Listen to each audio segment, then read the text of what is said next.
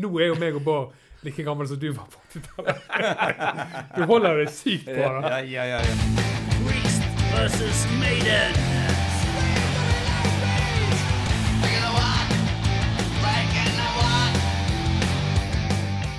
Da kjører vi. Da er vi tilbake. Yes, vi er tilbake. Hei. Halloen. Og vi har altså en eh, av århundrets eh, gjester med i dag, kan Ja, vi si. det har vi. Ja. Veldig fint navn har han òg. Det har han òg. Så derfor kan jeg si hei, Tarjei. Hei! Og så er så har jeg allerede sagt hei, Tarjei, men nå Ja. har vi faktisk to Tarjeier Nå har vi dag. dobbel eh, Tarjei i studio. Det spørs om det, spørs om det blir for sterkt. Ja. Men, uh, Så liten by, eh, så mange Tarjei, og så er vi så like på så mange måter. Ja, det, det er det. Fantastisk. Vi, nå har vi begge litt grått skjegg, og Ja, alt, ja, det. så det, vi blir mer og mer lik. Ja, ja, ja. ja. Perfekt. Det er jo sant. I I hvert fall veldig hyggelig, eh, at du ville ta turen eh, da. Ja. eh, Ned til dette lille studioet, Mm. der vi snakker om Judas Priest. Vi snakker om Iron Maiden og uh, Heavy. Mm. Og i dag så har jeg en liten følelse av at vi kanskje kommer til å så vidt komme innom Kiss. Men det vet jeg eh, ikke før vi eventuelt eh, Jeg kommer kjenner, litt det, videre. jeg kjenner det samme. Jeg kjenner på det samme. ja. Ok, da er ikke det bare meg. Nei. Eh, hvordan kjenner du Jo, på det kjennes veldig sånn, men det, det, det, er en tanke som jeg alltid må innom når jeg står på morgenen. Ja. Så vet jeg at i dag så skal jeg gjøre det, i dag skal jeg gjøre det, men vi skal også innom Kiss. Ja. Så sånn blir det også her. Skal vi ta en uh, liten prestasjon? eh, det burde kanskje Ja, ikke være nødvendig, nødvendig, men vi må jo si at uh, Tarjei Strøm, som uh, jeg av og til kaller for Tarjei junior Og jeg, ring, jeg meldte deg i sted. Ja. Da, da står det Tarjei senior Ja. på telefonen. Og da sto det, det junior på når jeg fikk melding. Perfekt. Så du er jo kjent som veldig mange ting etter hvert. som en, en veldig habil trommis innenfor både rock og pop og eh, hiphop og, og alt mulig. Og sist, eh, sist kanskje sett sammen med selveste Kjartan Lauritzen. Ja, ja, ja. Overalt, altså. Og, um, og fra 90-tallet veldig, eh, veldig kjent som primus motor. Uh, Iallfall en av de fra Ralph Meyer og Jack Harrant Band. Og uh, Datarock har du vært, eh, vært innom. Vi har jo alle tre stått på scenen samtidig. To Tarjei og én Bård. Ja, det har vi faktisk. På, på en av disse pyrofestene. Pyrjubileum. Og, Så sang eh, vi Stars. så sang vi Stars. I, i, altså originalversjonen. Hele fullversjonen. Ja. Uh, husker det var et stort øyeblikk. Da uh, korte vel meg og deg. Ja. På, og Ja da. jeg var i bandet som sånn som Ja, jeg tror jeg spilte, spilte bass. Men, men uh, ikke for å avbryte Jeg tenker det var nok introduksjon av meg. men men um, vi snakket litt om det før, før vi gikk på her nå. Altså når vi spilte med Ralf Majas, Det var jo et, et band, elektronikerband som, eh, som etter hvert ble vi, vi fikk mye å gjøre, og det ble en slags suksess ut av det. Vi var jo veldig inspirert av, av heavy rock. og To tredjedeler av det bandet og tok mye av det vi skal snakke om i dag, inn i showene våre. og sånn. Men første gang vi spilte konsert noensinne i eh, Bergen by, Bård, det var på den elleville festen, heter den, 1997. En slags Den, den første første festen? ja. en slags Monsters of Rock, bare ikke med rock. Nei, med sant. for- Elektronika. Nei, Monsters uten rock. Nemlig, grunnen til at ikke jeg var der, var jo det at jeg var jo gammel nok, men det var jo ikke en sånn musikk som jeg hørte. Det var ikke rock der. Det var ikke det. Og da, da, det året der var det liksom Røyksopp ble til, jeg tror Kings of Green spilte Erot. Og så var det sånn, Den bølgen som da kom, da, det, det skjedde på den konserten. Og vi skulle spille da med, med dette bandet vårt som vi hadde startet. Ralf Majas var DJ, jeg spilte trommer, Thomas Lønnen spilte perkusjon. Og i og med at Erlend var DJ, så het vi bare hans DJ-navn, Ralf Majas. ikke sant? Men så Erlend, han er jo fra samme sted som du er fra, Ja, Tarjei. fra, Nordhordland. Ja, ja. Så han hadde tatt med seg den eneste rockestjernen han kjente, nemlig Tarjei Senior her. Så da skulle introdusere oss. Oi! Og han hadde fått en viss sånn vibb på bestillingen, og Senior, så han hadde kledd seg opp, eller du hadde kledd deg opp i sånn disco-outfit. ja, det var 70-tallssmoking. Ja, som seinere ble litt av vårt sånn image på platecover og så stemmer det. Stemmer. det. Og så husker jeg dette veldig klart for meg, for det, det er her dette bandet blir født. sant? Det, det, det er her det skjer. Uh, vi er kjempenervøse, skal ut og spille med alle disse andre store navnene. Uh, vi, vi skal spille i den der kafeen på kvarteret, men vi står backstage der, skal gå inn denne døren. Tarjei Senior er med for å introdusere oss i denne dressen. Vi står dødsnervøse på bak der. Døren går opp, og så sier du, Tai, Tarjei, rett før vi går Men hva heter dere? Og så sier uh, Erlend Nei, vi heter bare Vi heter bare Ralf Majas. Nei, det er ikke godt nok. Dere må hete noe mer. Det må være noe and the, and the Og så husker jeg ikke hva som skjedde, men jeg husker at vi gikk ut på scenen.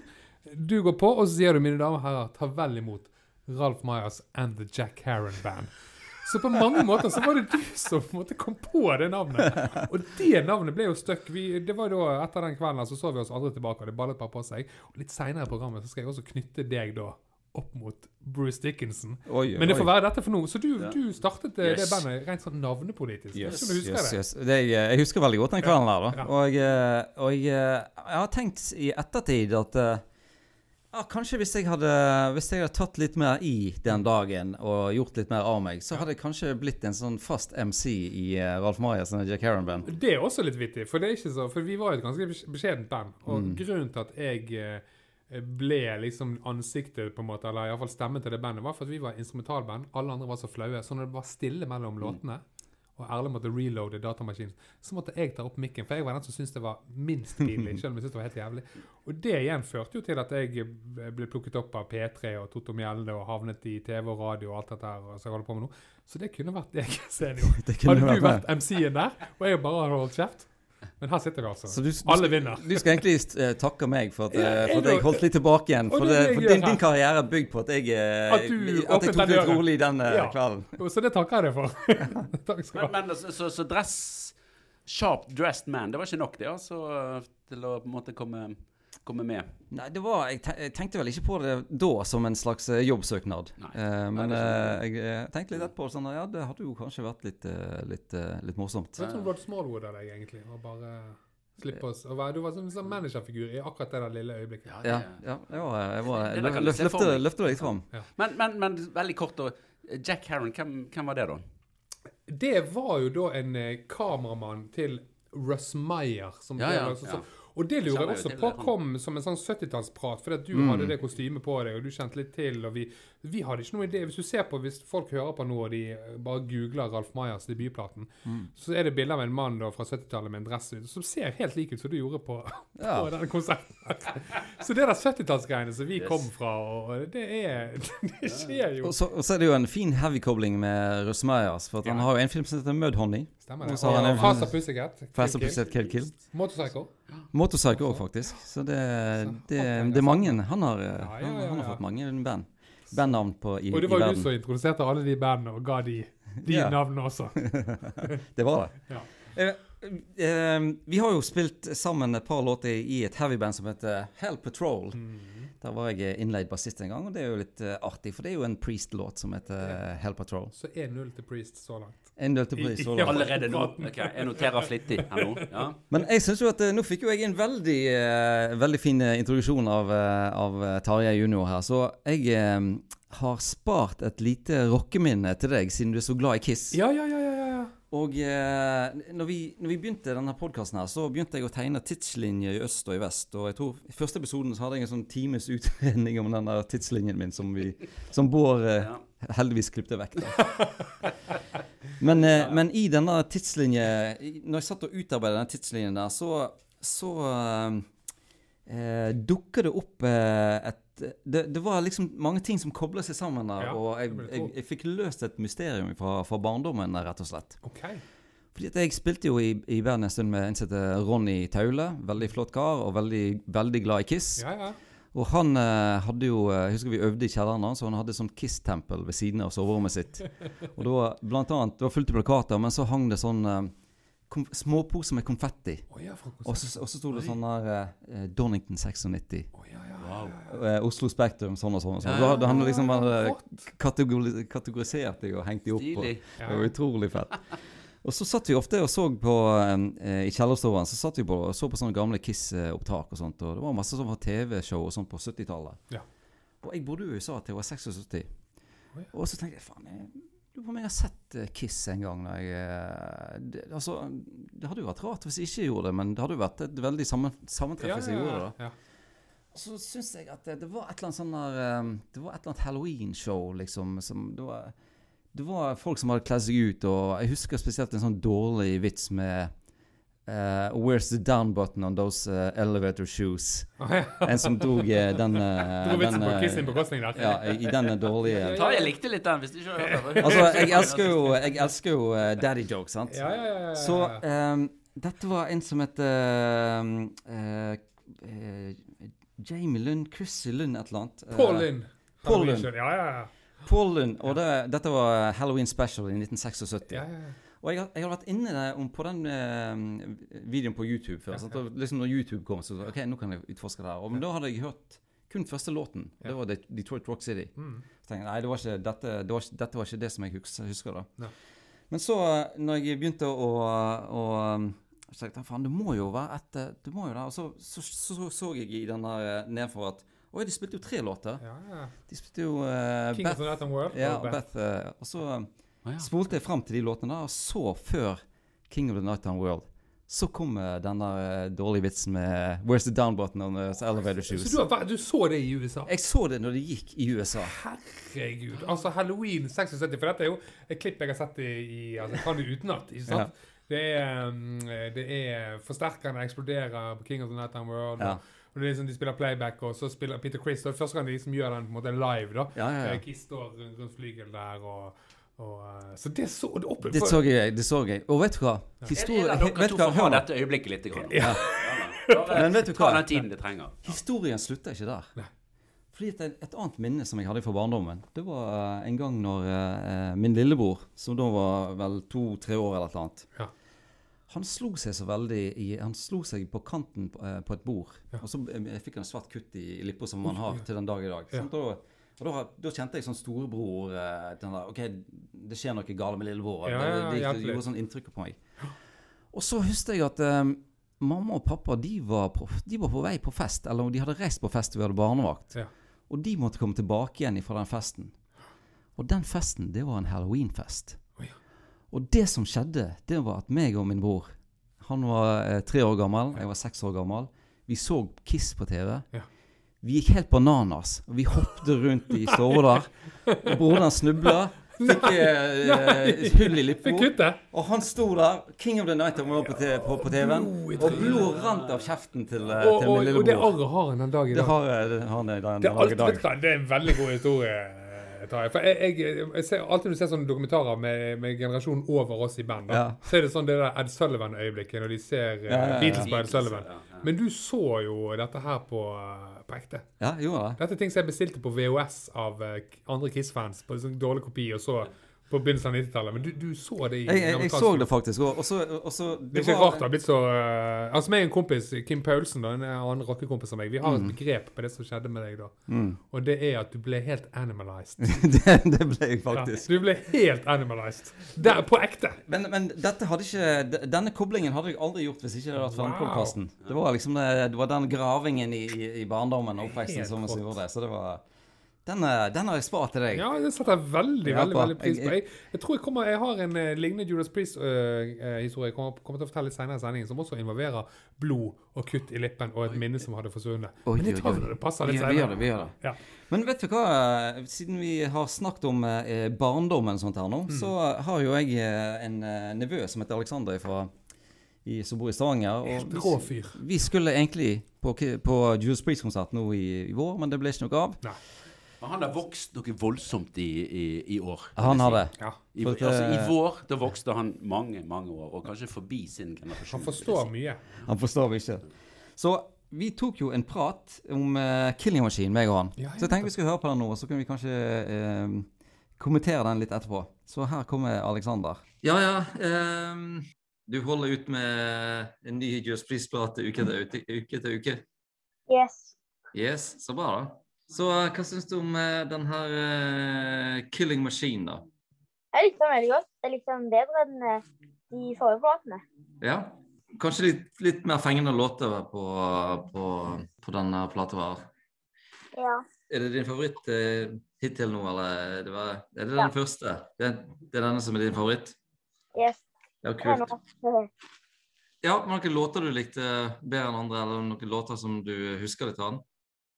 Eh, Det var en som jeg ikke likte, som jeg likte mindre, som jeg følte lik, gikk litt seint. Men ellers så likte jeg alle veldig godt. Ja. Hva, var det som gikk seint, da, tror du? Det var, eller, det var, det sånn Det var noen deler som gikk sånn saktere. Ah, ja, kanskje, var det den der Evening Star, kanskje? Det? Den begynte litt sånn uh, sakte i begynnelsen, og så ja. gikk han Evening Star. Ja, det fikk liksom Det fikk på en måte ikke oppmerksomheten min.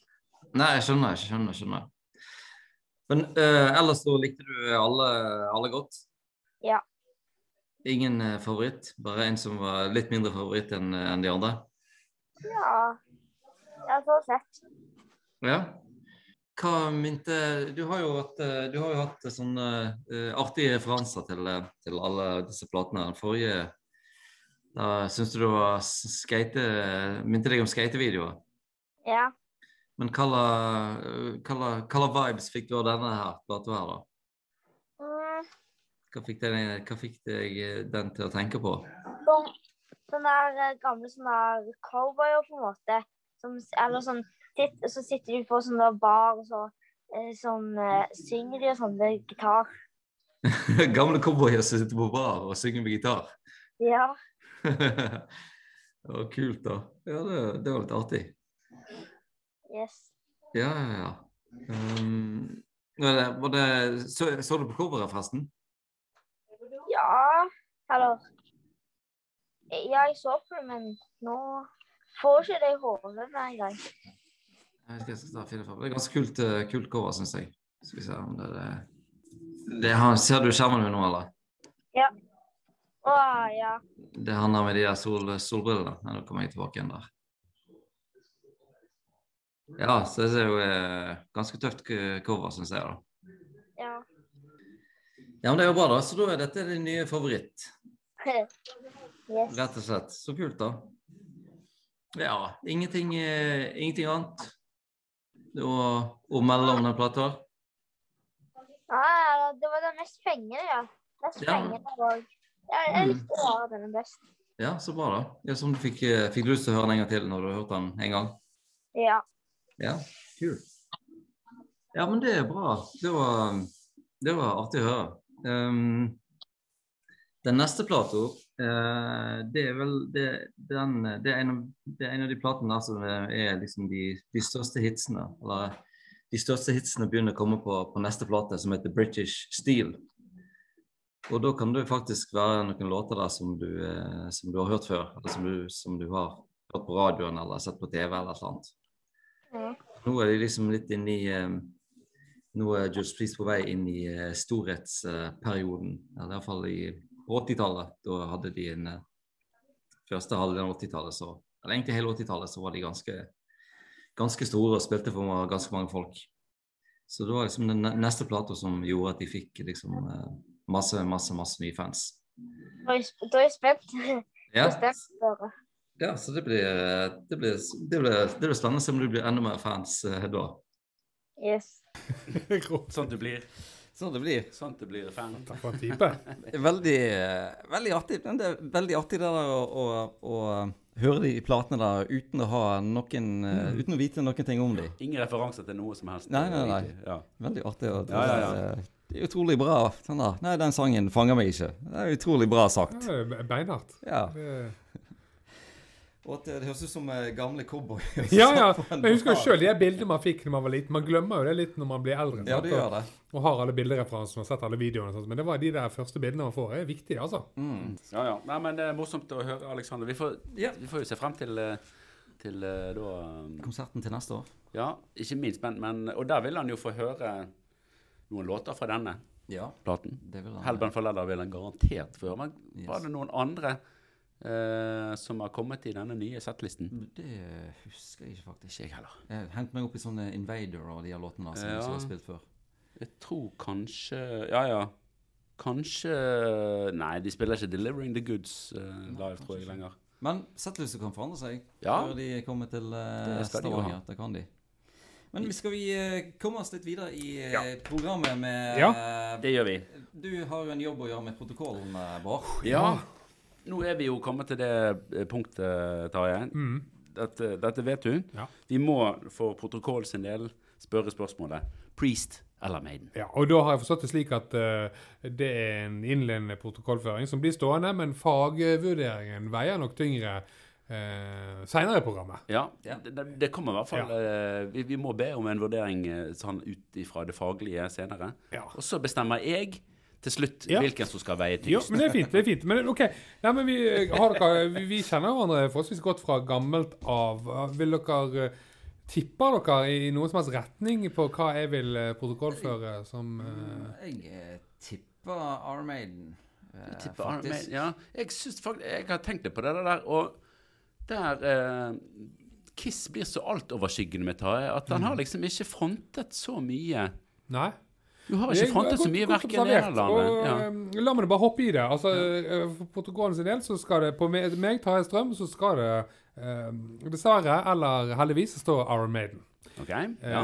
Eh, Det noteres. Noterer jeg det. Men, men du er inne på noe der, og det kan vi snakke om rett før vi hopper ut i, eh, på dypt vann her. er at Kiss har vært altoppslukende for meg eh, hele livet. Og jeg, jeg møtte jo heavyrocken via en eh, seks år eldre fetter fra Stord. Litt sånn som der som du kommer fra, fra landet. Jeg følte at det var der heavyen kom fra. Det sto Kiss, og det sto Maiden, og det sto ACDC tagget i, i, i busskur og sånn. sånn. Eh, så han ga meg Kiss, og så ga meg OK-blader, fort med dette her. Og jeg oppdaget Wasp, jeg oppdaget Møte Crew, disse image-tunge bandene. Men så begynte jo Maiden og Priest å dukke opp, og da var nok Maiden mye sterkere for meg. Og Så har jeg ikke tenkt så mye på det, for Kiss har jo tronet øverst, og så har de andre ligget og vaket.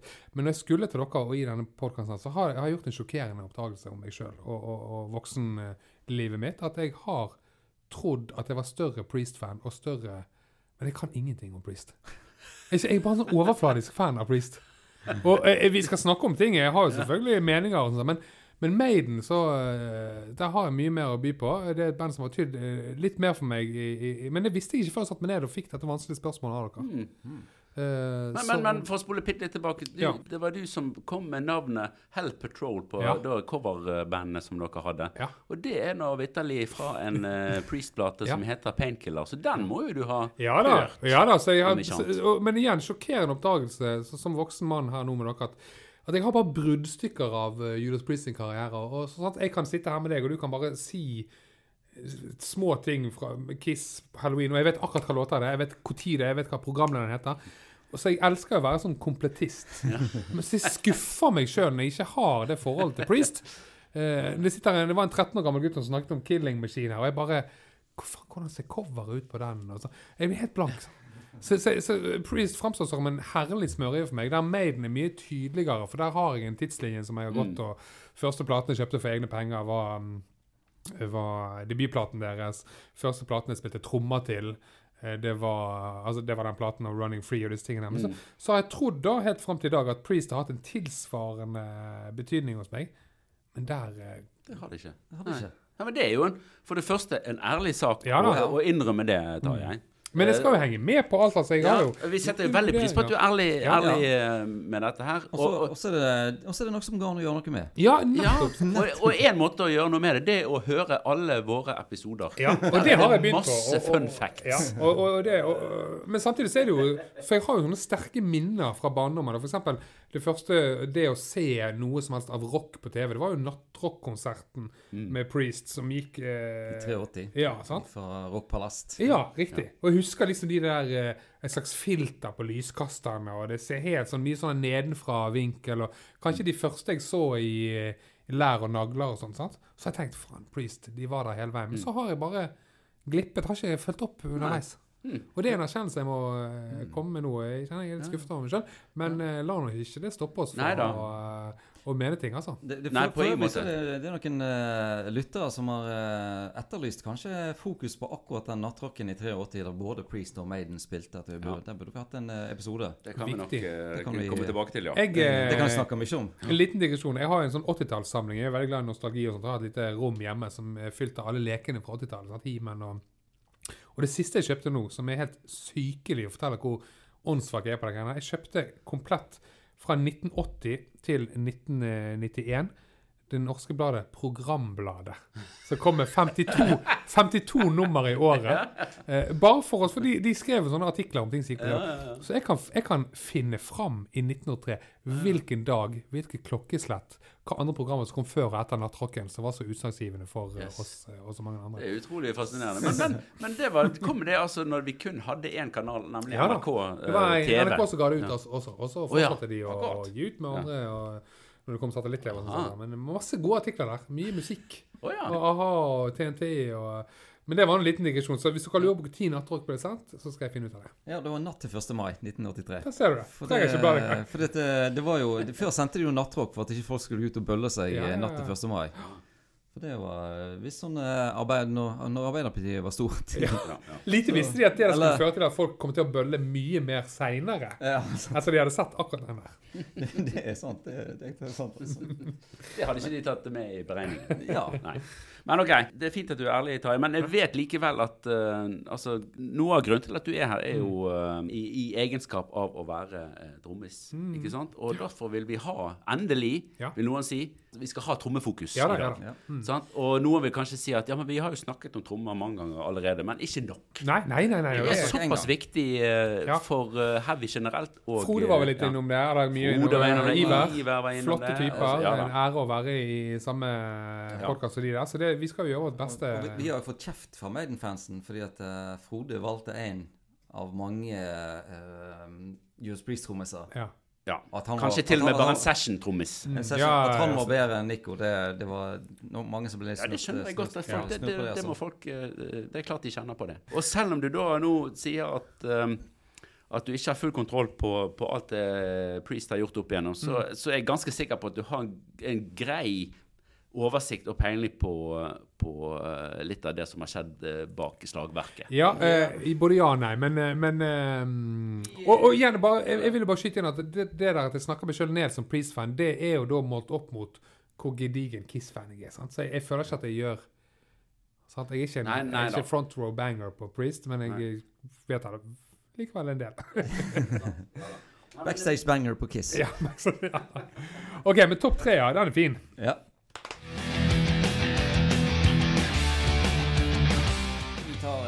Vi tar Maiden først. eh, Ja, Ja. vi tar binden først, for å gjør vi det enkelt. Ja, nei, den er interessant, for jeg er jo et uh, produkt av min tid som uh, 80-tallsgutt, når jeg oppdaget disse tingene her. Så, så, um, så det er jo bare fra mitt perspektiv da, hva disse låtene betydde for meg. Uh, Tredjeplass på Maiden er jo kontroversielle 'Heaven Can Wait'. For den eh, Fra, det, det er jo fra et album som både jeg og Tarjei liker meget godt. Ja. Ja. For det er jo hele den pakken her. Jeg kjøpte det faktisk på nytt for, for to uker siden. Å, ja. Det der coveret der Jeg satt nå med min sønn på syv år og så på det, og det er bare altså, det er så Ja. Altså, Skulle du bare hatt én plate på 80-tallet, så er det nesten at du hadde klart det med den. For det er så mye info. Ja. Men vet du hva, jeg må, jeg må skyte en ting ja. en, en nummer 'Somewhere in Time'. Ja. Det syns jeg er, er veldig, veldig interessant. Allerede der Ja. begynner de å se tilbake. Ja. Allerede der begynner de å referere til de tidligere albumene. ja. Hva betyr det? Betyr det at eh, nå har vi, eh, vi nå, ferdig. nå har vi gjort det vi skal? Det var tom- ja. Så nå skal vi bare se oss tilbake igjen og gjøre litt om igjen av det som vi har gjort før. Interessant. Det, det syns jeg er litt eh, Ellers er de nostalgikere, de som eh, oss eh, andre, bare at Ja. de ble det tidlig. Ja. Ja, men altså Nostalgikere etter, en, etter, du har, etter du har hatt en karriere på seks år Det var, litt, det var, det var litt tidlig. Var det litt tidlig? Ja, det var kanskje litt Jeg tidlig. jeg synes det, var litt, eh, det var litt spennende at de begynte å se bak. ja, for tenk på Wasted Years og videoen, og Ja, det var så videoen, og så- og så alle de referansene som er til de tidligere albumcoverne. På coveren og og sånt, ja. på- på Jeg ser jo bare på det som De har jo vært veldig For meg har Maiden alltid vært veldig sånn um, at de nullstiller seg. De kjører i bolker på ting. sant? Altså nå er vi opp til det, det er som, Ser du på de turneene de har hatt i senere tid. Ja. Det er liksom the first three years og så Uh, så- Men, men ehm, Nei, den, den platen husker jeg veldig godt. Og jeg, jeg, min sånn companion på alle band jeg likte på 80-tallet, var jo OK. Jeg leste jo det slavisk. sant? Ja. Og, og Eddie og de turnéreportasjene. Og det er jo den tøffeste Eddien, syns jeg. eh, Ja, det er jeg helt enig i. og, og, og, og cover der. Så Heaven Can Wait derfra er, er tredjeplassen. Mm. Andreplassen, da er jeg mer, da er det både fanen i meg og musikeren i meg, den voksne musikeren i meg. Og det, det, det er kanskje den beste Maiden-låten i mine ører, selv om det er en andreplass her. The Murders in the Room òg. Mm. Oh. Litt, litt slitsom den introen. Ja. Men eh, Murders in the Room og du, du, du, Altså, de riffene Nei, der er de. Og så er de Det er liksom punk. De er, det er framover hele tiden. Det er frampå. Ja. Og, og, og Ja, det er jo veldig energisk eh, låt eh, Ja. der, altså. Det er ja, ja, ja, det er noe med- ja, veldig kult. Jeg så de faktisk på Vi spilte med Ralf på Reading og Leeds-festivalen. Da spilte de var det, Da lurer jeg på om de begynte med den. De åpnet Oi. Og det var sånn i 2000 og Var det tre-fire? Så vi hadde ikke, var ikke så hissige på internett å sjekke settlister og sånt Ja. i forkant. Så det var en enorm overraskelse når den kom så tidlig. da. Ja, det vil jeg tro. Eh, så det var andreplass. En Førsteplass eh, Det er Running Free, rett og slett. For det er debutplaten. Første platen jeg kjøpte for mine egne penger. Meg og min far skulle på en bruktbutikk her i byen. eh, kjøpe en, en, en, en, nei, Asylum med Kiss i eh, 586 der. Men så bladde jeg gjennom Heavy-bunken og så et mye tøffere cover. Kjøpte debutplaten. Og da hadde jeg nettopp begynt å ta trommetimer på Bergen musikkskole hos eh, Terje Isungset. Vi bodde i en leilighet. Hadde bare trommestikker, hadde ikke trommesett eller noe sånt. Men min mor de hadde en sånn 80-talls skinnsofa.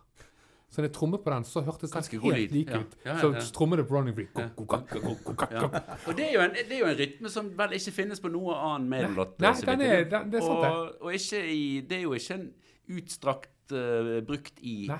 hardrocken generelt. Nei, det er sant. Og så er det noe med Og igjen, jeg satt altså foran uh, platespilleren til min far der, sant, med headset, og så er det noe med lyden der. For det er når han drar bassen, boom, og så, så klikker bassen. liksom, Du hører ikke, i hvert fall som liten gutt, så hører ikke du om det er trommer eller om det er bass, men det er bare sånn Rytmisk. Ja. ja. Så den, eh, Og så husker jeg òg det der eh, som han Alexander sa i sted. Det høres ut som cowboyer som sitter på en bar. og sånn. Jeg husker bare, jeg kunne jo ikke engelsk, men, men det var liksom Jeg skjønte at de var på rømmen. Ja. De var liksom, de rømte fra noe. Ja. Ja. Så, eh, så den Ja, står veldig sterkt. Så, så Running. Free der første. Murders in Room og andre. Eh, tredje Heaven Can Wait. Og så må dere hjelpe meg litt på debut, eller på, på, um, på beste album. Eh, der skal det bare være én. Da står det mellom debutplaten fordi at den er, står så sterkt. eh, Første plate kjøpt for egne penger, alt dette. Men så er jo liksom Live After Death, og den er jo Det er jo noe der. Hele Ja. totalpakken. Mm. Det er lov å Det er lov å ha live-plater. Det ble jo til min introduksjon til alt det andre Maiden hadde gjort Ja. eh, Ja. før Summer in Time. Det er var den første platen jeg Ja. kjøpte. Det var, det var nok Ja. eh, den eh, inngangsporten eh, jeg hadde òg, faktisk, Ja. til, til Maiden. Ja da, og i mange år så var det jo sånn at jeg syns de liveversjonene var så, såpass sånn at de går litt kjappere og litt Ja, mer sånn ja. energiske. Så jeg lot jo være å kjøpe Peace of Mind og Mm. Powerslave. Jeg trengte jo ikke de platene, for jeg hadde de beste låtene på, på Live After Death. eh. Ja, helt enig. Og eh, jeg husker eh, OK, da, igjen for å trekke inn det. De hadde en sånn turnéreportasje fra den konserten. Ja, den husker jeg òg. Og den bladde opp, og det var tre, tre sider der. og og da husker jeg igjen, altså det var vel Paul Stanley på, på cover der, eh, og, men allikevel så var det bare Fy søren, der, det var noe der, altså. Var ikke det sånn da utbredt? Jo, det var og så- den Og så der. var det hele, se, he, Ja. hele scenebildet var på hele Riktig. utbretten. Så det var så Jeg vet ikke hvordan det var med, med trykktid og sånt, men, men eh, jeg, jeg husker jeg leste den reportasjen før jeg eh, var klar over at det var kom som en plate. Ja. Så, det, så det der, og så se det der og Var, var, ikke, var ikke den store Jo, det var Eddie med, med når Steve Harris hopper der og er Ja. inne ja. Så um, Stilig. Veldig stilig. Det var eh, det, Du har lov til å velge den. Ja, jeg, jeg, jeg gjør det, altså. Og, og så uh, Og Priest er litt vanskelig, altså, for der er jeg altså Der er jeg mer en sånn eh, Jeg vet ikke om jeg kan si dette, her, og det beklager jeg til lytterne, og sånt, altså, men, men jeg har eid alle Maiden-platene fram til uh, Bruce Dickinson gir seg. Men, men jeg tror bare jeg eid eh, er, er samleplater med Judas Priest. Her kommer det frem. Sant? Men, så, det, da snakker vi altså, men, men eh, så, så ja, hva- håper Når kom de med samleplate, da? det, det kom en sånn i, i, i år, årtusen, altså slutten av 90-tallet der. Ja, ja, når de hadde sånn CD på CD. Ja, Metalworks. Ja, Veldig god samleplate, da. Ja. ja da. Jo, men det, ja da, den kom vel i flere altså, Det var den boksversjonen, men så hadde vel Ja. I forbindelse med at de, de eh, ga disse eh, ut remaster, Ja, sant, alle riktig. disse, sånn, så kom det vel òg en slags sånn her eh, best of. Ja, jo, jeg tror kanskje jeg hadde noen i remaster som, eh, Ja. på CD. De var jo litt Du jobbet jo i platebutikk ja, òg, ja, ja, på ja, den stemmer tiden. det. Så, Kan ikke ha unngått. nei. Kan ikke ha unngått å Nei, nå, nå, det er mulig at jeg eh, Ja, nei, vrir det- på virkeligheten litt Nei, sånn som jeg vil ha Jo, men det er mulig, og kanskje jeg er litt for streng med meg sjøl, men jeg vil jo være ærlig når jeg først er inne i det aller ja, ja. ærligste her når det gjelder Priest uh, i, i Norge. Men OK, tredjeplassen der, da, eh, er Painkiller. Den er liksom game changer. Det er um, Den hørte jeg om fordi det var en kompis av meg som hadde sett Pantera varme opp for de på Cabo som helt Jeg lurer på om det var i Sverige, eller Han bodde iallfall i Sverige, han kompisen min, og da, da husker jeg reagerte på at det var rart at Pantera varmet opp for Priest. Mm. Hvis du husker, jeg husker jeg satt på den platen og den låten, altså, jeg husker fremdeles øyeblikket å bli sånn blåst av bane. Jeg skjønner fremdeles ikke hvordan han trommer den introen. Det er jo helt, helt vilt. Og så er vi tilbake til 80-tallet, og når jeg, og når jeg hørte Let's OK, og um, så her er også en delt andreplass. Eh, parental Guidance. ja. Men, Den er fin. Det er Men- jo litt sånn, ja. men skråstrek Private Property. Samme plate.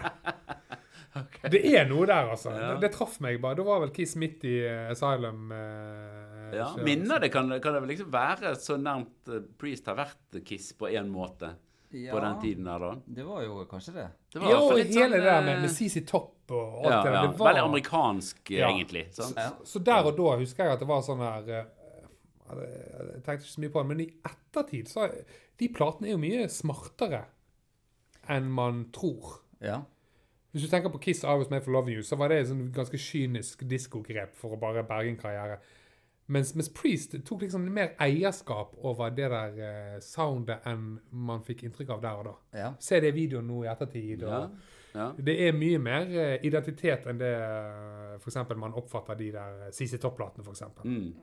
Ja, altså det er jo Jeg syns jo de De ble jo på Priest ble jo på en måte litt mer cyber. For den kom jo i 86, sant? Samme, samme år som Somewhere in Time. Riktig. Så, så Priest eide litt mer denne cyber De gjorde det. uh, futuristiske greiene enn en, en Maiden gjorde, selv om de, det var bilder av de på et romskip uh, i ørkenen. Ja, og Hvis du sammenligner de to sceneshowene, så er jo Summer in Time er jo på en måte et eh, steg ned for Maiden. For da er det en, for første gang en sånn tydelig oppblåsbar Eddie. Det er litt mindre scener.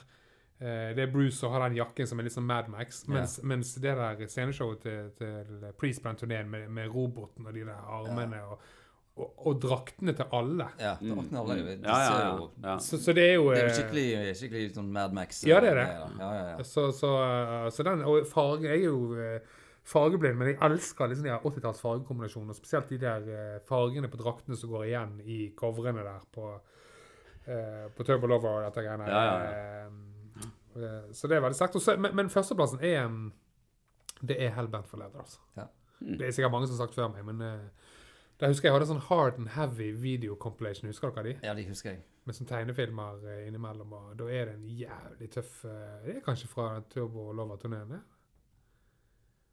Er usikker, for det, det er ikke så jævlig gammelt. Altså, Denne videoen kom ut i 89, tror jeg. Mm. Men da er det en sinnssykt rå versjon av den låten der.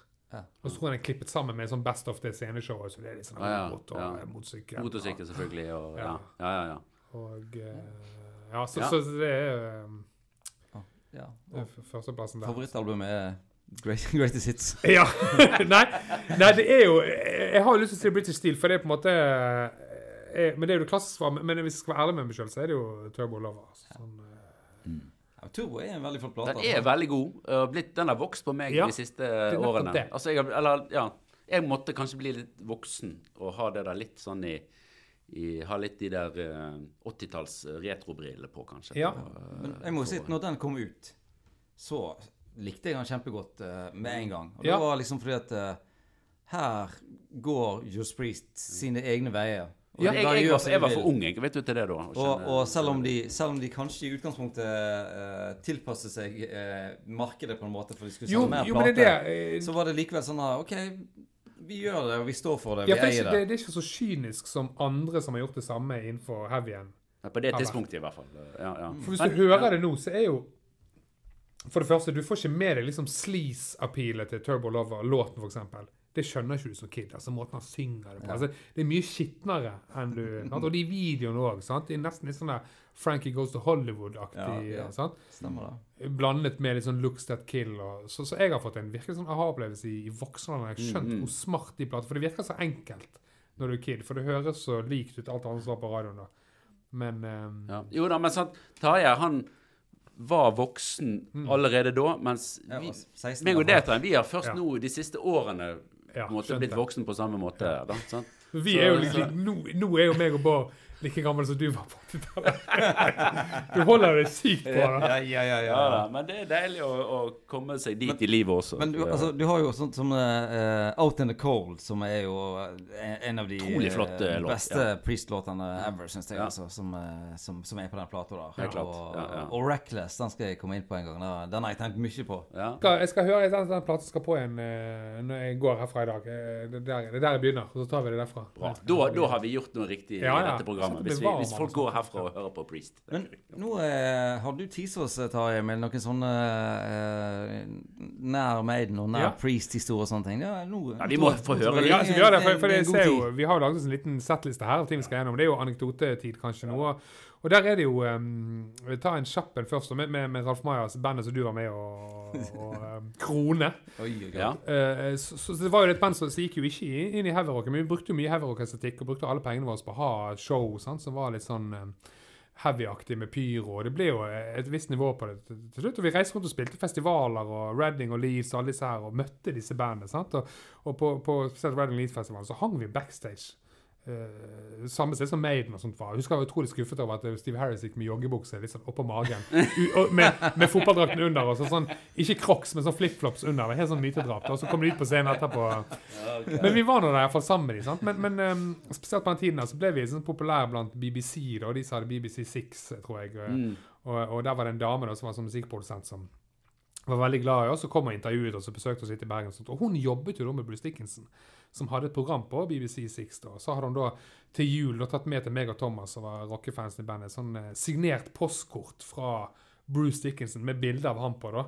Og, og, og så skrev han hi- personlig hilsen her. Og, Oi, sånn, og det var liksom sånn eh, eh, På mitt så sto det til Tu Tarjei Your sexy moves make Satan weep. You, you horny devil, you.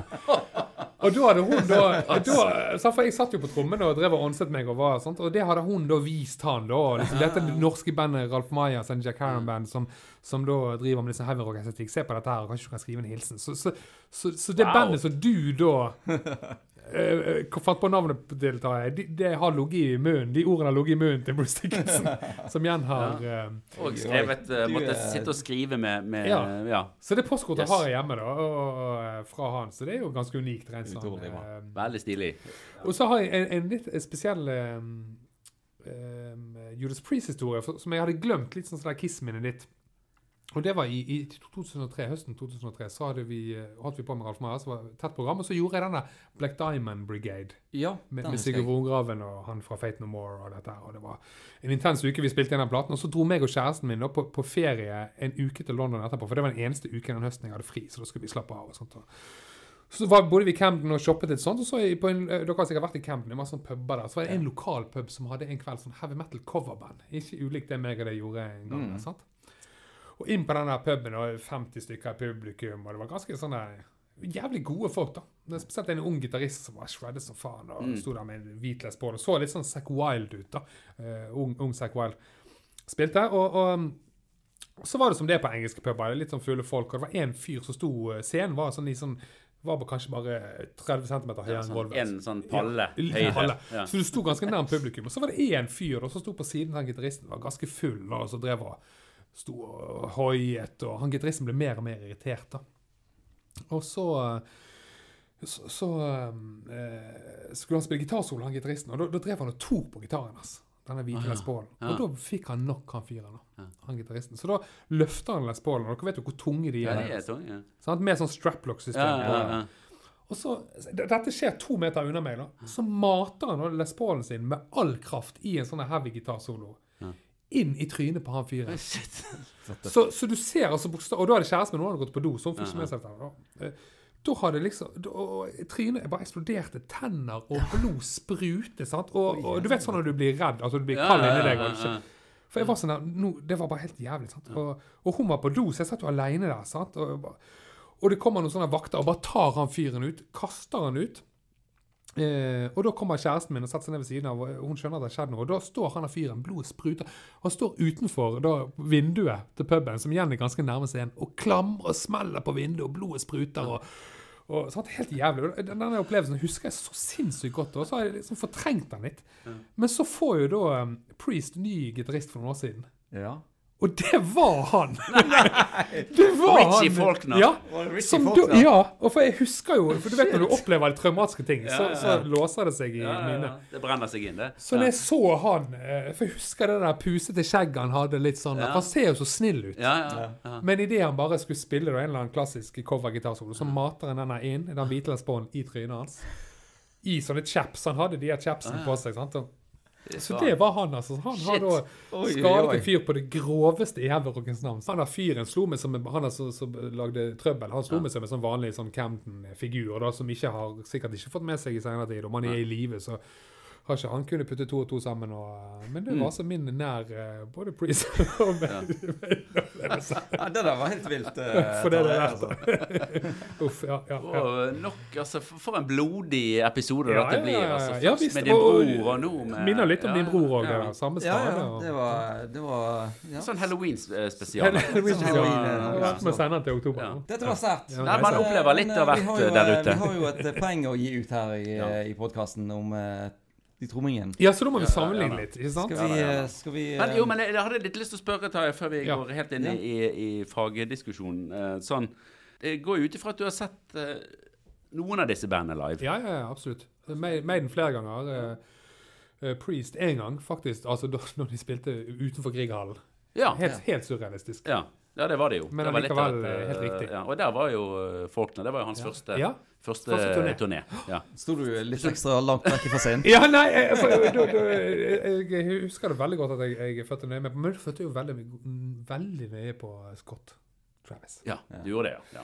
ja. Eh, For han hadde ikke sett, sett live eh, før, da. Så, så det var jo eh, Det veier jo tungt ja. ja. inn i dit vi skal nå, da. Ja, nei, men, men la, la oss bare um, da, da bare går vi rett i trommebaret, Ja. Men det heter. Ja. et, et, et lite spørsmål, innledningsspørsmål. Mm. Var, var du noe eh, Dette bandet som Scott Travis var med i før? Razor X. Ja? Var du noe Det er ikke noe sånn eh, mer enn i ettertid, men jeg har jo skjønt okay. at, at, eh, at eh, det er jo eh, Han er jo Der er jo han enda bedre enn han eh, kanskje har vært Det var jo litt sånn flinkis. Ja, i ja. Men ting faller jo veldig på plass når du skjønner at det er der han kommer fra. Altså inn i Painkiller og Ja. alt dette her. Og, ehm, men, men nei, ikke noe så Og det var vel med han uh, Hvem var han som var med der? var det Paul Gilbert? Paul Gilbert, ja, selvfølgelig. Og- Billie Jean var han med der? Nei. Men Paul Nei. Gilbert iallfall. Ja. Paul Gilbert, og så Ja. var det han Tone Levin? Nei. Men uansett. Ja. Nei, nei, så, så, så Nei. um, Nei, siden du var sånn, siden du er trommis, så Ja, ja. kanskje, men Nei, det har jeg du, jo var kanskje, du er kanskje litt ung for å ha vært eh, der akkurat da. Men, eh, så men eh, vi Så vidt. Moving on. Ja, moving nei, on, men, men, moving men, on. men der har jeg et nytt problem, mitt neste problem. altså igjen, Jeg, jeg kan fortelle deg hvem som har spilt trommer på alle Kiss-låter, og, og hvor de kommer fra, og hvem som er leid inn og alt dette. Men, men Priest, der er det altså det er jo sammen med Philip selvfølgelig som er inne på sin plate. Mm. sant? Ehm, og så- men, men jeg kan jo ikke navnet på de andre. eller Det, det er vel han ene der som har vært eh, Dave Holland ha, Ja, hadde jeg sikkert hørt om. ja. Ja. Og det var ikke han det var sånn kontroverser rundt, det var bassisten. Nei? Nei, det var det. Det Dave Holland, ja. Ja, det Så- så jeg det klamrer meg til det, da, Ja, ja, ja, da. Men, men, Mm. eh, men um, For det er han som spiller på Helmet for Leather, ikke sant? Ja. Ja. Ja. Som jeg jo har covret flere ganger, da. Og, og at det, altså, det er interessant, for det er jo en sånn dobbeltpedal, eller to basstrommelåt. Men han spiller med en sånn uh, Det er noe veldig så organisk over det. Ja. Som, som jeg vil gi han uh, poeng Mm. for, da. Ja. Det er en sånn fil og en litt sånn um, Ja, er det litt sånn uh... Dette er du på Dave Holland? Uh? Ja, ja, ja, ja, ja. Du- Sant, du du har jo, eh, du har jo sant? British Steel, for eksempel, er jo, er jo han der han er Mm. litt med på å definere ja. egentlig hvordan eh, hardrock skal, eh, Den er skal spilles. skrudd en litt sånn eh, skal ikke si ufordelaktig, men den er skrudd litt sånn uh, Litt sånn statisk, Ja, på en måte. kanskje. Ikke Turbolover statisk, men Nei. mens, mens for, for den er vel fra platen før Helmet for Leather, Ja. sant? Mm. Ja, det, det er faktisk sant. Så den har tromme for å nerde helt, Mm, og så er har den en mer sånn Litt sånn god øvingslokalelyd. Ja, men det er litt enig. Sant? Men, men uh, Mens, ja. mens British Steel er jo nødvendigvis med på, så er han jo produsert eh, like mye Jo, lydbilde jo som- Hellbent for er jo fra, fra, fra Killing Machine. Riktig. Ja, sant? ja, sant? ja. Så den har mer Ja, den der ja. øvingslokallyden. For å bruke et dårlig begrep der. Mm, Mens, mm. mens, uh, mens British Steel er nok mer produsert. En ting er skrudd mer, Uh, men, men den er også inntrykk av at den er mer produsert av som er produ Dere snakket litt Ja, ja. om det. Spill litt sånn. Ja, ja. Bare hold den takten helt til refrenget, Ja. Og så legger du over. Sånn. Mm. Så, eh, Så, men så, han er jo litt sånn eh, som eh, Thomas Dahl var inne på, at han er jo ganske is, iskald. Ja. er han veldig ofte. ja. Sånt, Og det, Det er òg det coveret òg har lagt litt Ja. føringer. Litt sånn skarp, føler jeg. Sånn, Mm. Ja, for det henger, det henger jo Det syns jeg passer med det som du sier med lyden Ja. på Bridget Steel. At det er Ja. liksom sånn kald, Ja, kald produsert ja lyd, og, på en måte. absolutt. Mm. Så, så, så det er liksom Dave, Dave Holland for jeg, jeg, jeg vil nok bru, lene meg mer på Scott Travis for i forhold til hvor vi skal lande på, på vektskålen. For han Mm. har jo altså, eh, igjen hakeslepp når uh, Og det var jo en av grunnene til at jeg eh, Jeg har jo alltid hatt et lite trommeoppsett. Aldri brukt to basstrommer. Fordi For at jeg skjønte at liksom ekstremmetal og de tingene der det kommer til å utvikle seg så vanvittig fort. Jeg kommer ikke til å klare å henge med. Og, og det skjønte jeg allerede når han begynte liksom på Painkiller. For det var jo før eh, på en måte Vinnie Paul hadde begynt å Det eneste vi hadde som sånne referanser i, i, i, i mine referanser, det var jo eh, One. Ja, ja, ja, ja. Det kan du kjenne igjen Ja, som trommis. ja, ja. Du, det, jeg vet ikke, Apropos det, så husker jeg at eh, du fortalte en gang at du, du var blitt spurt om å være med på en europaturné med Gorgoroth. Ja, stemmer det? Så det, Ja. det, det, det er spennende. Ja, Og da, det- da, da sa du til meg at nei, det, Jeg kan ikke klare det. det er konkurransesykling. Ja, ja, det er konkurransesykling, og det, det, det er viktig at du husker, for det er sånn jeg ser på det. kan jo Du også Du har jo fulgt litt mer ekstremmetall, Ja, så du var jo ja, borti det der. Jeg var faktisk på en turné i sin tid, jeg, Ja. jeg var 19, med, med et bergensband. Men uh, Ja. var det, det var før blastbeaten sin tid. Ja. Heldigvis. Jo da, men, men det der, jeg husker det der at jeg, jeg ble spurt om å For, for jeg hang mye med de Gorgot-guttene på den um, Insipid Satan-tiden, da. Mm. Og jeg husker ble, Det var litt utskiftninger etter han Eriksen sluttet, og, Mm. og jeg ble bedt om å være med. Og så um, husker jeg at jeg ga det et ærlig forsøk, for jeg var jo sånn tenkte at jeg kunne mye forskjellig, men, men det fikk jeg fikk ikke til. Og da husker jeg at eh, Jeg skal ikke si nevne navn, men, men en i bandet da sa til meg at du, ikke tenk på det, du bare spiller til du blir sliten, og så reiser du deg, og så klapper du i hendene mens du holder bastrovertakten, og så kommer folk til å digge det. Så jeg Nei, det, det, det går ikke. Så, eh, men, men den painkiller-prestasjonen der er jo på en måte utslagsgivende for at jeg tenker at det der kommer jeg aldri til å klare. Mm. Og det er noe med lyden, og det er, det er en game changer på alle måter. Ja, ja, ja, ja, ja. ja helt klart. Ja, nei, det, um, det, vi har jo snakket egentlig mye om painkiller, Ja.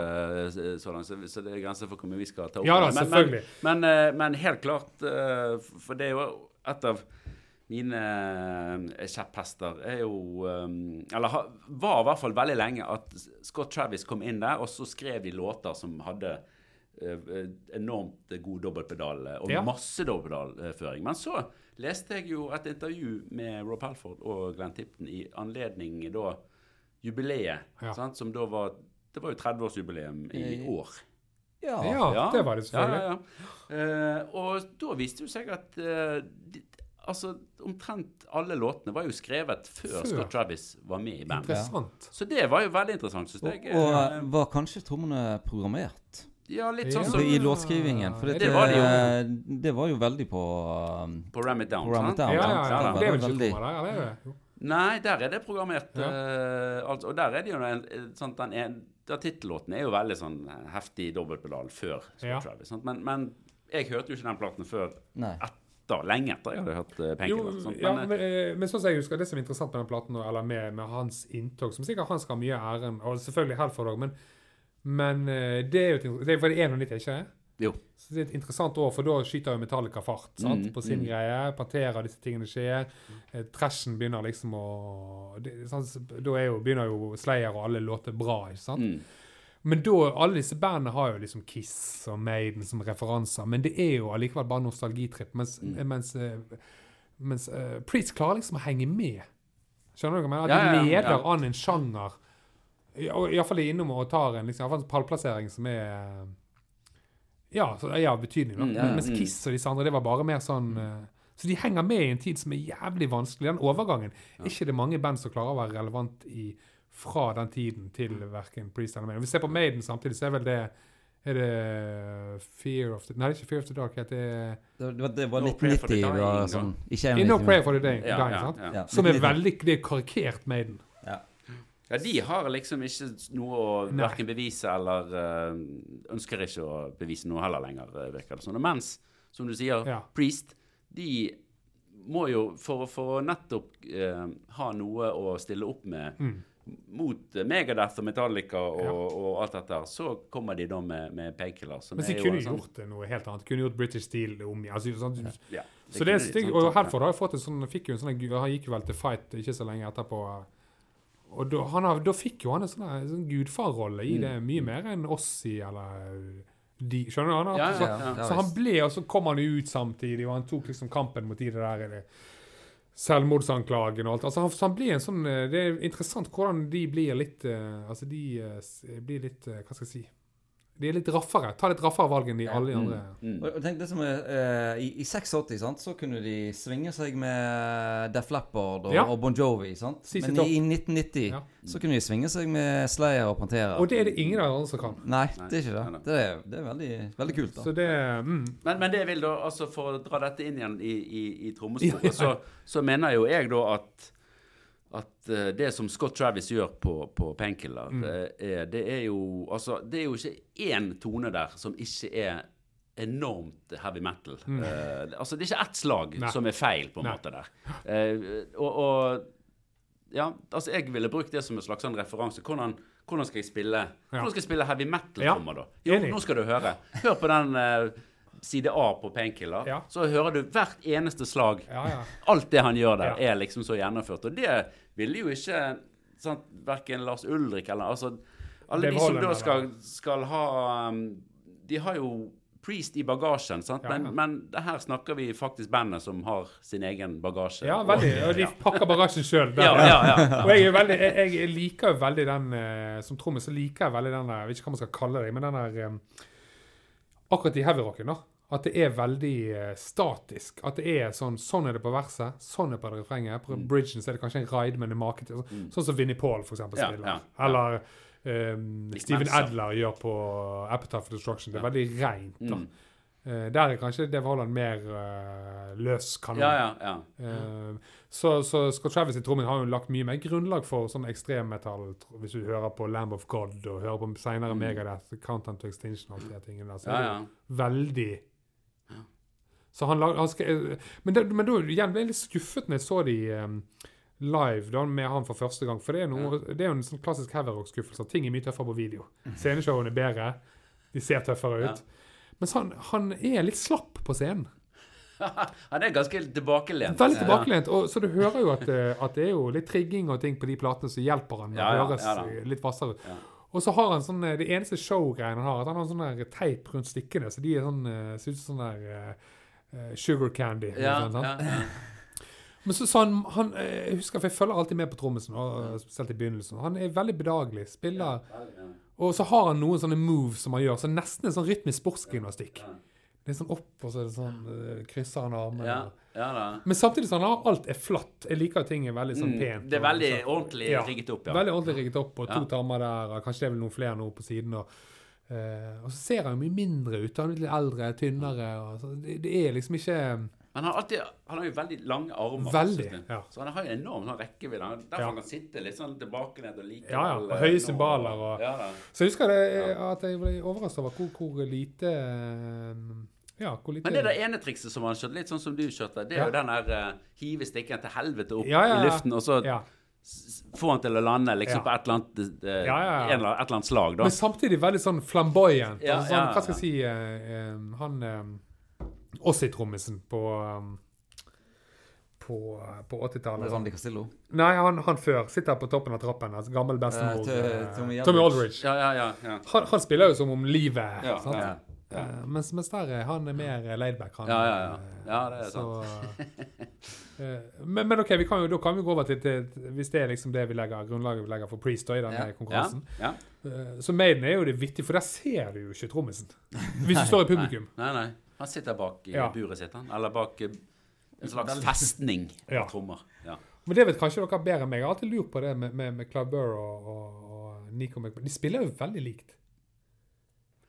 Er det en- en konspirasjon nå at det er samme person? Nei, men, men, men er det For de har jo veldig særegen stil, begge to. Men, men den der, er det Steve Harris eh, bestilt, eller er, er det Nico som på en måte tar over fakkelen der? Jeg tror det er litt det siste du Ja. sier der. For du det- ser på oppsettene, for eksempel, fra, fra Clive trommeoppsettene til, til Nico. Mm. De er ganske identiske. Ja, det er sant. Ja. Samme tromme, men det er vel sonor og paiste, og det er ganske sånn Jo, men hvordan de er vinklet Og tammene og- over ja. der, Ja, sant? ja. Og filene som begynner litt før Ja. um, Så, um, Ja, så jeg, jeg tenker at i, i fare for å gjøre fansen forbanna, så tenker jeg bare snakker litt om begge to. Altså Ja, det er samme, det er. De er en enhet. Ja, ja. Mot, så, samme som da Vi dropper sammen Philip, så sier vi Dave Holland og Scott Travis også. Ja, Det en enhet. Ja, Um, men det er jo du som trommis sjøl, Bård. Det er Jeg har aldri skjønt hvordan Nico eller Clive hvordan de tenker. For det er en helt, det er en helt spesiell trommestil innenfor heavyrocken. Ja.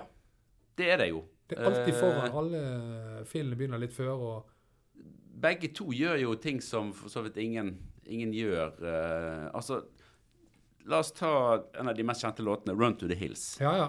Altså, det er jo altså en så frenetisk tromming der som du ikke på en måte, Du må jo Ja. i noen sånne ville punkband for å finne noe, noe tilsvarende. Veldig, og det er veldig Og sånn det- framoverlent. Og så filene begynner da alltid litt før du sjøl vil begynne. Ja. Men det kan ha noe med Steve Harris å gjøre òg. Det, sånn, eh, det kan anbefale dere alle å gjøre nå etter både dere og lytterne. Eh, Two Minutes to Midnight. Så er de i filmen. Og så når han kommer inn, da Når han kommer inn eh, sammen med bandet, da, når liksom Så tror jeg alle treffer eneren, men han treffer synkopen. Og, og, men alle de andre treffer Og det er sånn typisk sånn Dere hadde jo Ivar inne. Han kunne jo fortalt det. da er, går produsenten Ja, det er fett, det, men enten så må alle treffe synkopen, eller så må alle treffe eneren. Men der er de, og sånn er det hele tiden. ja, ja. ja, der er Maiden. eh, Ja. Men det hadde, tror jeg ikke hadde skjedd i Priest, for Nei. eksempel. Nei. Og der er denne greia som formelbaserte heavy-tromming som jeg liker. Vers-refreng. Ja. Kanskje en variasjon over fillet. Mm. F.eks. Walk med Pantera. Mm. Samme fill før hvert refreng. ja. Aldri samme film med Maiden. Nei, nei. Det er alltid nytt. Ja. Så jeg har covret Maiden. Vi gjorde kanskje det sammen, meg og deg, Tarjei. Og det er umulig for en trommis. For det, det er ikke noe sammenheng. Det er bare de som får det til. Ja, ja. Så det er jo både fordelaktig og eh, ja da, men da må man bare gå inn i det der, og så bare prøve å så desifre det. Ja, ja, og så bare husk Begynn litt før du hadde tenkt. Ja. Det er det som er hovedregelen med Maiden. Jeg spilte jo i et Maiden-coverband eh, en stund med, med Olav eh, Ja. Iversen, som vi har hatt Ja. her før. Og da sa han trommisen eh, eh, før vi skulle spille konsert Ja, Tarjei, er du klar for å spille utight i kveld? Ja, ja, ja, ja, ja. Men de har noen altså, så, Det, det er et eller annet der som er Det, det, det er så off at Ja, det er så off, men det er off kollektivt, Ja, sant? det er det. For vi, er vi er jo alle musikere som sitter her, og sikkert mange som hører på nå. Men la oss nå bare ta for eksempel eh, Number of the Beast. Mm. Hva, teller de, eller hva tenker de når de spiller ga-ga-ga-ga, ba ga-ga-ga-ga, ga Det er jo ikke noe takt der. Nei, nei, nei. nei. For det, Nei, det er nei, alltid det- sant. ja. Og samme Ja. på introen på Aces High. Ja, Du, du, ja, du, den du, også, ja. Den. å jeg- begynner litt sånn der. Altså, så det er en sånn kollektiv utheithet da, som, som jeg syns det Ja, jeg- Men det er litt kult at jeg får lov å leve Ja, sitt liv. Jeg- eh, jeg Ja da. Men så er det noen sånne statementer. Jeg husker jeg jobbet i platebutikk når Brave New World kom, og Wickerman eh, var første singel der. Det at han, eh, Nico ligger på basstrommen på alle. Ba, ba, ba, ba, ka, ka, ka, ka, ka, ka. Bare som en lite sånn statement. Han bruker ikke dobbeltplan, han klarer å spille så fort. Mm. Og den siste singelen som kom nå bare for noen, en uke siden, Ja. Der òg er det noe sånn på refrenget, Mm. eller verset, som er sånn ja. Du hører at han kan. Du hører at det er, litt sånn, det er- spilt live. Det er ikke fikset så mye på. Mm. Men det er han. altså han er, Ja, ja. Jeg vet ikke hvor gammel han er, men han bare leverer. altså. Men det er han som er fyller han 70 sånn som Er det så Nei, det kan ikke være så mye. Kan det det? Men han, er ikke han litt eldre enn eh, resten Jo, jeg lurer på eh, det, Er det. Det var nærmest 70, Ja. altså. Men uh, uansett så, så har jeg hørt folk spille den type takt med dobbeltpedal Ja. mer utight enn det han klarer Helt med riktig. å liksom ha akkurat samme Ja. Punch ja. i hvert enkelt slag, som folk da med to føtter ikke, sant, ikke det. klarer. Og det er sånn, eh, eh. Vi har hørt det live og sånt òg de, eh, de siste årene. Så hører du når de spiller de låtene, at det er ikke noe juks der. Nei, nei. Han mater på. Du hører at det, det, det er kanskje litt hardere òg, for at han er så. Han skal melde det så hardt, for han vet at nå følger hele arenaen med på om han får det til. Men er ikke det litt heftig nå, i, da, uansett hvor gammel han er, i hvert fall mer enn gammel nok, så Ja. sitter han også bak det der, eh, denne borgen sin Ja, ja. og bare styrer hver eneste Maiden-konsert. Ja. eh, jeg syns det er ganske vilt. Jeg, i, Ja, jeg i, i imponerende, den, altså. eh, Ja. For det er jo klart Steve Harris er jo, uh, har jo mye ansvar for den framdriften, men ellers er det jo Nick McBrain. sant? Mm. De andre er jo Janet Gears løper jo bare rundt der, sant? og så er det Ja, ja, men altså, også, jo, la, sant, han løper nå, men de andre de kan jo stå der. Og Ja. Janne Kears kan etter hvert stoppe opp han, men Ja. Nico han må jo faen meg jobbe Ja, låten gjennom. Og, Det han en, er, og det er sånn eh, du, Lars Ulrich har til sammenligning som på en måte har murt seg inn i et sånt hjørne der han har gjort et par tromprestasjoner på plate som han skal Mm. gjenskape live. sant?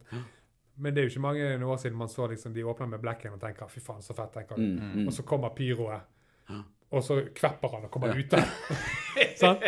Men det, det hadde jo ikke skjedd med Nick McBrain.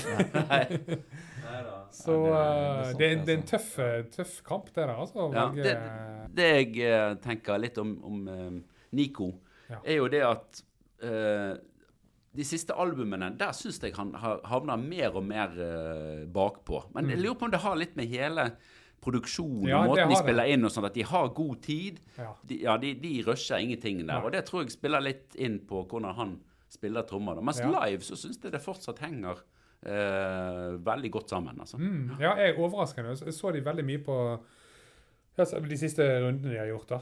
Og det er jo ehm, Men igjen, der hvis du skal være helt sånn nerdenivå, så så nyere Priest er jo lysår forbi nyere Maiden, for Mm. Både på hvor det, hvordan det høres ut lydmessig, og hvordan det passer inn i resten av heavyrocken. sånn. Ja så det er jo noe man må ta i betraktning, da. Altså, jeg syns jo eh, sånn Du snakket om at, at Maiden var alltid har vært veldig variert, uh, sånn, måten trommene eh, spilles på der. og Mm. sånn, Fra låt til låt, men òg i en låt. Sånn, at det er aldri helt uh, Det er ikke det samme filmen. Men, men nå syns jeg at Nico McBrenn driver og gjentar det der ene lille Ja. Ja.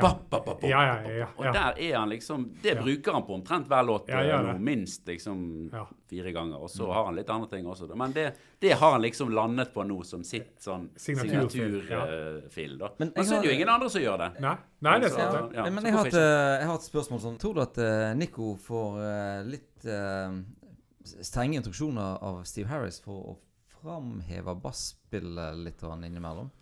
Ja, Jeg er litt usikker, altså, for det jo, jeg tror det er mer en symbiose. Altså, sånn, eh, det må være interessant å være der Priest på en måte kanskje er i studio, og det er jo han Sneap som er inne og, og Mm. spiller litt med de, Altså, de er nok mye mer på har mye mer pulsen på hva som skjer Ja, på produksjonsfront. Og, ja da. Mens Maiden vært. tror jeg er like mye opptatt av å være Maiden. Ja. Så det er bare sånn, vi, eh, vi har jo alle spilt i band, og det er noen kamper man tar, men jeg tror de før de går i disse kampene, så har de et par ting. De må, bassen må ha denne diskanten, Ja. og så må du ligge på alle fire. Altså, de har noen ting de bare må sjekke av på. Ja. Så, på kanskje, så jeg tror kanskje det er mer det som murer det inn i hjørnet, enn at Steve Harris sier Nå må du spille nå sånn må du spille sånn. Jeg tror det bare skjer. Ja, ok. Ja, det er sikkert etter, etter så Eh, lang tid. samtidig så han er jo sikkert eh, ganske streng på Han står vel også som produsent på noen av de der platene. Ja, han er- ja, det, Ja. det snakket vi jo om. Ja. eh, så, så da jeg tror han er kan medprod... Ikke han medprodusent på Nei, nå, det får vi se når neste, neste plate Ja. kommer ja. Om han én-to dager uh, fra når vi spiller inn dette. eh, Når vi spiller inn, ja. Veldig spesiell lyd på den, de, de singlene som kom forresten. Veldig sånn ærlig. Ja? Sånn Ja. ufordelaktig egentlig med tanke på alderen til Nick McBrain. Men det tror jeg er gjort med vilje. Altså, for Ja, ja. Du hører at det er live gjennom. Ja, ja. For du hører at han, han er litt frampå og litt bakpå. Men det, det, det tror jeg kanskje de har tatt med for å vise at ja. Jeg syns jo det er forfriskende i vår tid. jeg, Ja, det er at det. ting får lov å leve litt. Jeg skulle gjerne snakke lenge Ja, jeg merker vi graver oss helt ned nå. Eh, Men uh, vi, Vi må jo komme Ja, til en må konklusjonen. vi må komme til en, eh, til en konklusjon her. Og nå uh, er det vel uh, Nå er det vel et poeng som skal deles ut. Ja, og det er, um, det er jo uh, alt tatt i betraktning. Jeg har fulgt uh, hjertet, jeg har fulgt min egen oppvekst med disse bandene, fulgt hvor de står, rent sånn heavy-politisk hos uh, den gemene hop der ute. Men jeg, jeg lander på, når jeg har fulgt hjertet og fulgt Jeg er helt ærlig med meg sjøl, så er det faktisk Scott Travis som tar den hjem til Priest, altså. Å, herregud. Har du sett? Du, Wow. den så jeg ikke. Nå snakker vi så mye om, om Nico altså. McGrainer. Ja. Heldigvis. For de er jo veldig gode begge Ja da, og, og men, det, det er en tøff ja. kamp, men det, det henger sammen med altså, jeg, jeg, kan fremdeles huske altså Riktignok begynte jeg å spille trommer til Running Free, Mm. men, men, men det er noe med, med Painkiller og måten de hele tiden er på Det er sånn trendsettere Mm. hele tiden. Ikke bare den ene gangen som Maiden var det for. Mm. Så er det noe med at uh, det, det må de få poeng for. Så, så der får rett og slett eh, Priest uh, Wow. poenget mitt, altså. Wow, wow, wow. Dette, dette, var, dette var, det var litt overraskende. Ja. Men, Ja, det var det faktisk. Og jeg må jo beklage til Torgeir Møyre og alle andre som, som på en måte um, Det var nærme, altså. Ja, den listen er lang, Tarjei, Ja, så, ja. så du må Men, bare ta den eh, runden. Og vi skal hjelpe deg også å ringe men, litt eh, rundt ja, det, uh, senere. Ja, ja, ja. Men jeg må si, nå har i- istedenfor å, å, å nå- nå- De kan ikke klage nå på at du For nå, denne Travis er vel den som har hatt lengst med i pris av, av Ja, det er vel det faktisk. Faktisk er det. Ja. Ja, det er han. det, så det, Han har fortjent sin det, eh, det har han. Ja, virkelig. Veldig bra. Vet Ja. du hva, eh, Tarjei junior? Ja, senior. Dette var, eh, dette var veldig stas å få deg på besøk i studio, og eh, jeg har kost meg veldig. Eh, Du gikk, eh, du gikk ut på Du gikk inn i oppgaven med, med krum Jeg gikk ut i oppgaven på tynn is, men, Ja, eh, men eh, klarte å klamre meg til det i Ja. de, de få eh, Og så håper jeg nå at, at vi kanskje sammen kan se i hvert fall Priest og Scott Travis Ja. live Ja, ja, ja. ja. eh, til sommeren eh, neste år, muligens. Det kan vi. Og eh, Maiden blir det vel også. Ikke minst til sommeren, Maiden, eller? altså. Ja. Jeg har kjøpt billetter til Tons of Rock Ja, ja, samme her. Jeg er der, jeg, altså. Så Ja, men da har jo vi eh, har vi en- planene klare. Ikke ikke, ikke, ikke noe kritisk. Da skal vi bare være glad for at de lever, at de spiller Ja, ja, for oss. Sant? Så, så, så, Så, vi elsker jo både Priest og Maiden her Ja, i dette programmet. Ja, Og visst gjør vi det. Og Og Kiss. Og det. Kiss, det er vi også veldig glad i. Det er sant, det. Flaks for Scott Travis og eh, Nick McBrain at ikke Peter Chris eller Eric Singer var med i den konkurransen. Ja, det er en grunn for at vi uh, utelater dem. Spesielt Eric Carr. Ja, spesielt Ja, Eric Carr, ja. ja. Altså. Never forget. Nei, men takk skal dere ha. Gleden var på min side. Og takk, for, takk til deg, Bård. Takk til meg, og takk til deg, eh, Tarjei Senior, som så, jeg nå skal kalle eh, deg. Så, så må jeg si tusen takk til de som har hørt på, på podkasten. Ja. Og minne om at uh, ris og ros kan vi få på TikTok. Ja. Vi må huske å lage en TikTok Ja, ja, etterpå. Ja, ja da. Og de kan få Eh, aldri kommentere gjort på, på Taja sin eh, sånn eh, konto på eh, Instagram, heter det Ja. kanskje? Ja, Eller andre steder. Ja. Ja, vi, vi ruter kjeften videre til uh, Tarjei Ja. sin Instagram. Eh, vi har en Instagram, Priest vs. Maiden. Vi har Facebook, Priest vs. Maiden. Vi har Priest vs. Maiden, uh, krøllalfagmail.com. Ja. Ja. Og uh, Sykt. Vi, vi nås overalt. sykt at de er ledig. ja, har ingen tenkt på det før. at ingen har tenkt på det. OK, tusen hjertelig takk. Ha det bra.